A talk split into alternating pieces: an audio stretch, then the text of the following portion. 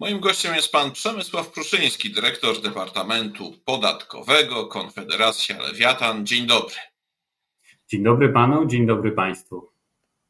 E, panie dyrektorze, jak to jest z tymi podatkami w Polsce? Z jednej strony mamy głosy, no przede wszystkim ze strony obozu rządzącego, że e, podatki są coraz niższe i coraz bardziej racjonalne.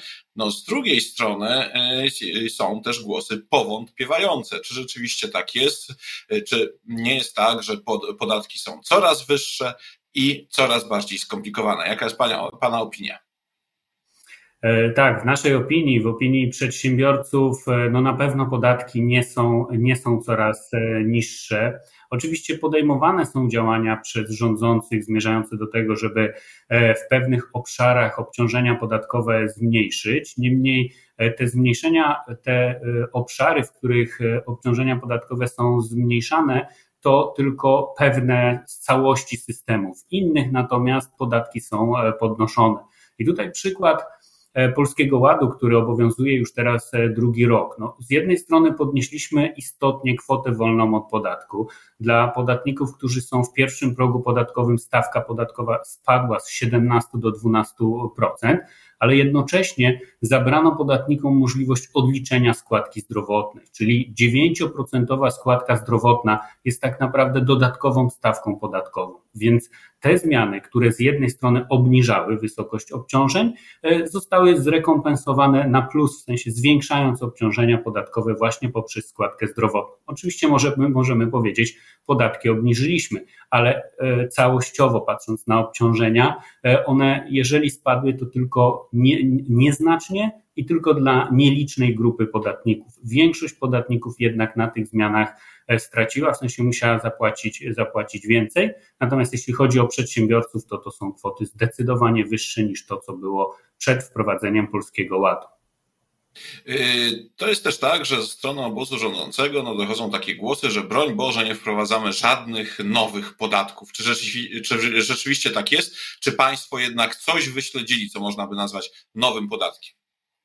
Powiem tak, tego nie trzeba było śledzić. To się dzieje przez ostatnie kilka lat i te nowe podatki są wprowadzane. One nie zawsze nazywają się e, podatkami, one bardzo często się nazywają daninami, opłatami, e, takimi jakimiś opłatami solidarnościowymi i tutaj takich przykładów można, można mnożyć, poczynając od E, podatku bankowego, który już został wprowadzony kilka lat temu. I to jest podatek, który teoretycznie płacą instytucje finansowe. Niemniej biorąc pod uwagę, że, że koszt tego podatku został przerzucony na konsumentów, jeszcze kilka lat temu nie płaciliśmy za, za, za prowadzenie rachunku bankowego, za przelewy, za, za, za wypłaty z bankomatów. Dzisiaj widzimy, że te opłaty istotnie, e, istotnie wzrosły albo w ogóle zostały wprowadzone, co w konsekwencji powoduje, że te 5 miliardów złotych, które odprowadzają instytucje finansowe, faktycznie płacą e, konsumenci. Kolejny przykład, podatek od sprzedaży detalicznej. Jest to podatek, który został doliczony tak naprawdę do ceny towarów e, i usług, więc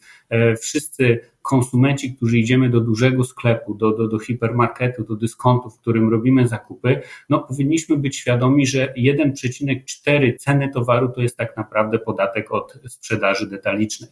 Mamy daninę solidarnościową. To jest akurat podatek, który, e, który płacą osoby najbogatsze, czyli dodatkowa 4% stawka podatku po przekroczeniu e, miliona złotych e, dochodu. Mamy opłatę od środków spożywczych, tak ona się nazywa, opłata od środków spożywczych, ale tak naprawdę jest to podatek cukrowy, który jest doliczony do ceny słodzonych napojów. Ceny takich napojów wzrosły po wprowadzeniu te, tego podatku, w niektórych E, przypadkach nawet o 50%, więc też tutaj widzimy, że, że ten fiskalizm, ta, ta globalnie ilość obciążeń jest dużo, dużo e, wyższa.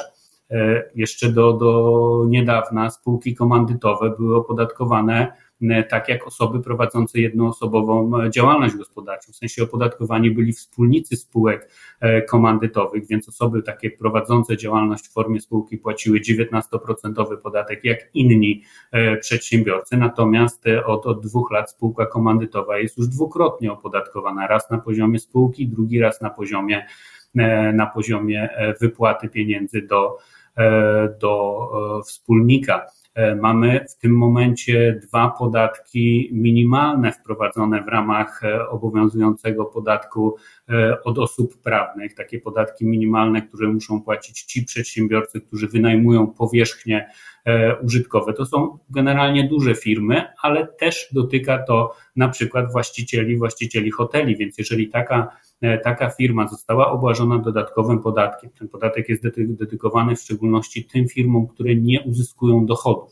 Najczęściej ponoszą straty z przyczyn rynkowych. Pandemia idealnie pokazała, E, że to nie jest tak, że w branży hotelarskiej można tylko, e, tylko zarabiać, a tu okazało się, że, że w tym czasie, w czasie kryzysu na przykład trzeba zapłacić e, podatek, taki podatek od, od strat i to samo jeśli chodzi o, o podmioty, które wynajmują powierzchnie komercyjne. Generalnie suma tych obciążeń zbiera się na to, że, że finalnie mając inflację na poziomie 15, 16, 18%, oczywiście są czynniki niezależne od nas, niezależne od naszej polityki gospodarczej, które wpływają na, na wysokość, e, wysokość inflacji, ale w dużej mierze właśnie wprowadzenie w ostatnich latach około 30 takich nowych danin i podatków, ja kilka tylko z nich e, wymieniłem, spowoduje, że, że finalnie konsument płaci dużo więcej za nabywane towary i usługi, no bo oczywiście, jeżeli ten, który sprzedaje takie e, jakiekolwiek usługi, towary, musi zapłacić wyższy podatek, musi opłacić e, dodatkowy, bądź też uwzględnić jakąś opłatę, to te wszystkie opłaty finalnie w cenie towarów i usług e, się znajdą. Więc na pewno nie zgodzę się z tym, że, że podatki są obniżone, na pewno nie zgodzę się z tym, że, że nie są wprowadzane nowe opłaty. Tych opłat w ostatnich latach, tak jak powiedziałem, było wprowadzone ponad E, ponad 30 i globalnie one spowodowały, że wysokość obciążenia obywatela, konsumenta na pewno jest wyższa niż, niż kilka lat temu. A ja chciałem zapytać jeszcze o to, czy te podatki spełniają swój cel. Oczywiście. Celem nadrzędnym jest cel fiskalny, czyli zapewnienie wpływów do y, kasy państwa. No ale jednocześnie niektóre z nich mają spełnić też cele inne.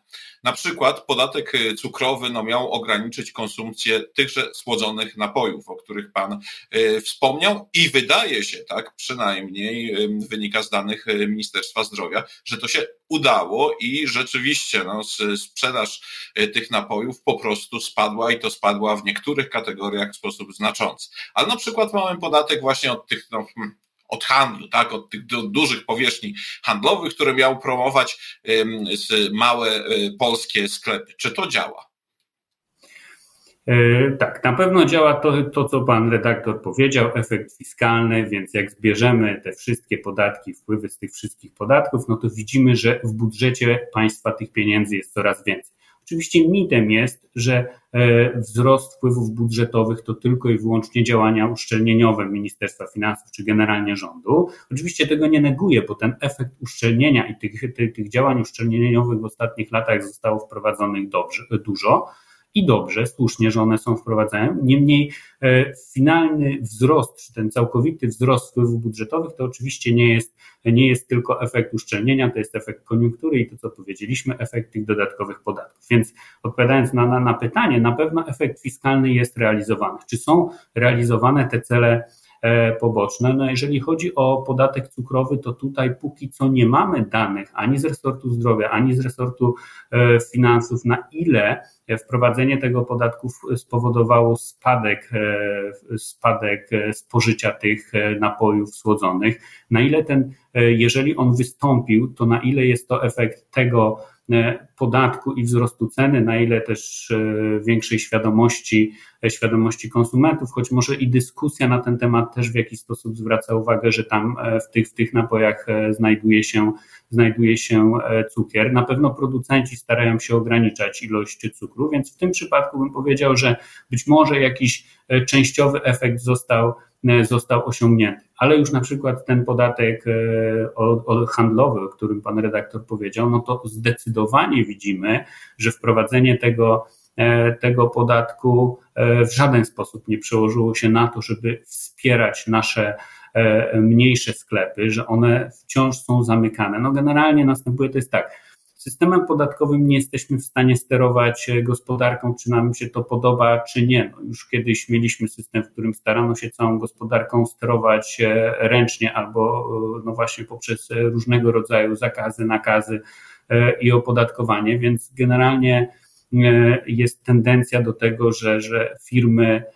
żeby być konkurencyjne, muszą się łączyć i na tej zasadzie małe sklepy nie są konkurencyjne i muszą przystępować do większych, do większych sieci. I to, że wprowadziliśmy dodatkowy podatek, tak jak powiedziałem, po prostu konsumenci płacą więcej za, e, za towary, za nabywane towary, natomiast na pewno nie przekłada się to na sterowanie w taki sposób, aby, e, aby bardziej konkurencyjne były małe, e, małe sklepy. Ten, ten, ten efekt wsparcia małych sklepów także nie wystąpił w momencie, kiedy wprowadzono zakaz handlu w niedzielę. Też e, podawano przykład, że zakaz handlu w niedzielę dla dużych firm spowoduje, że te małe rodzinne będą dalej sobie funkcjonowały i być może nadrobią jakiś dystans konkurencyjny do dużych podmiotów. Nic takiego się nie stało, wręcz ten proces zamykania małych sklepów jeszcze przyspieszył po, po wprowadzeniu zakazu e, i po wprowadzeniu podatku od sprzedaży detalicznej. Nie zostało nam dużo czasu, a chciałbym zadać jeszcze dwa pytania, to zadam mm, dwa pytania w jednym pytaniu. Mianowicie przedsiębiorcy skarżą się również na e, stopień skomplikowania systemu podatkowego w Polsce. Nawet w niektórych przypadkach boli ich to bardziej niż sama wysokość e, podatków. Czy rzeczywiście tak jest i y, jakie to ma znaczenie właśnie dla prowadzenia biznesu? No i druga część pytania, tego pytania w jednym, co dalej? Co uważa Pan, że się będzie działo dalej z polskim systemem podatkowym? Zdecydowanie jest tak, jak pan redaktor powiedział, przedsiębiorcy narzekają na to, jak bardzo skomplikowany mamy system, e, system podatkowy, a nie na wysokość e, samych obciążeń, czyli, e, czyli stawek. No oczywiście problemem są nieprzemyślane działania ustawodawcy, czyli ja to nazywam takie prowadzenie doraźnej polityki podatkowej. Przez praktycznie wszystkie rządy, które do tej pory mieliśmy, e, to one wykorzystywały, wykorzystywały system podatkowy do doraźnych celów e, właśnie politycznych, że tak naprawdę potrzebowaliśmy zrealizować pewne wydatki budżetowe, to wprowadzaliśmy, e, wprowadzaliśmy jakieś no, dodatkowe podatki, z których te wpływy miały być przeznaczone na dany cel. W Polsce nie mamy takiej wizji, że chcemy dojść do pewnego określonego systemu podatkowego e, opodatkowania danych, e, danych grup. To wszystko, co się dzieje, te wszystkie zmiany, które są wprowadzane, to one są tak naprawdę reakcją na to, co się dzieje, e, dzieje rynkowo. I w konsekwencji mamy to, że tych zmian jest bardzo dużo i to prawo jest niestabilne nawet bardzo trudne prawo podatkowe, w momencie, kiedy ono byłoby stabilne, to po kilku latach nawet to najtrudniejsze staje się przynajmniej zrozumiałe, więc łatwe w stosowaniu. I tutaj znowu powołam, czy wrócę do tego przykładu e, Polskiego Ładu. No generalnie rozliczenie przedsiębiorców e, czy pracowników zatrudnionych w przedsiębiorstwach no nie było idealne w Polsce, natomiast było znane wszystkim. Polski Ład dwukrotnie to e, wywrócił, bo można powiedzieć, że najpierw była wielka, wielka zmiana E, właśnie związana z odliczeniem składki zdrowotnej kwotami wolnymi. Potem był też e, po, po pół roku obowiązywania tych przepisów powrót do starych rozwiązań. Czemu to zostało zrobione? Zrobione zostało to po to, aby e, finalnie podnieść obciążenia dla istotnej grupy podatników, jednocześnie komunikując, że je obniżyliśmy. Więc w momencie, kiedy prowadzimy taką doraźną politykę, to nie możemy mówić o przewidywalności i stabilności systemu podatkowego. W sensie inaczej, on jest cały czas cały czas niestabilny, no i jest bardzo skomplikowany, no bo też życie gospodarcze jest bardzo skomplikowane i właśnie za każdym razem próbując nadążyć za tym, co się dzieje e, w gospodarce, doklejamy kolejne obszerne przepisy, przepisy, które często są wprowadzane w pośpiechu, przez to są niskiej jakości, nie są wytłumaczone, nie są skonsultowane z zainteresowanymi i w momencie, kiedy wchodzą w życie, zaczynają obowiązywać,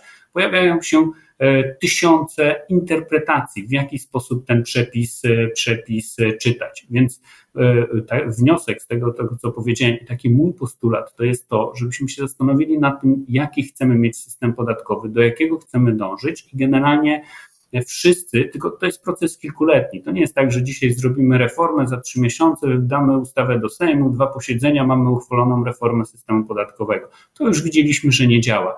Więc w tym momencie proces powinniśmy rozpocząć od tego, że chcemy y, określić, do jakiego systemu opodatkowania obywateli chcemy dojść i potem konsekwentnie to realizować, ale w dialogu. Najpierw musimy długo rozmawiać, analizować te przepisy, aby potem nie okazało się, że budzą one wątpliwości, bo w momencie, kiedy, kiedy właśnie budzą, budzą wątpliwości, to dochodzimy do sytuacji, że ustawa swoje, przepis swoje, a potem jest 15 tysięcy interpretacji e, ministra finansów, a te 15 tysięcy interpretacji ministra finansów jest zaskarżonych do sądu i mamy jeszcze kolejne 15 tysięcy wyroków sądów w indywidualnych sprawach, więc bardzo często każdy jest inny i jak w tym systemie funkcjonować, to jest właśnie to, na co zwracają e, przedsiębiorcy. Skoro Sądy potrafią jednego dnia wydawać w danej sprawie, konkretnej, wydawałoby się tożsamej, taki wyrok, a za trzy dni inny i taki przedsiębiorca patrząc na nią mówi, no jestem w podobnej sytuacji, jak mam zastosować ten przepis, jak mam opodatkować daną czynność e, gospodarczą. Z tego bierze się e, właśnie ten problem i to zagmatwanie, skomplikowanie naszego systemu podatkowego. No właśnie, i oby kiedyś ten system został wyprostowany. Bardzo dziękuję za rozmowę. Moim gościem był pan Przemysław Pruszyński, dyrektor Departamentu Podatkowego Konfederacji Lewiatan. Jeszcze raz dziękuję. Dziękuję panu, dziękuję państwu.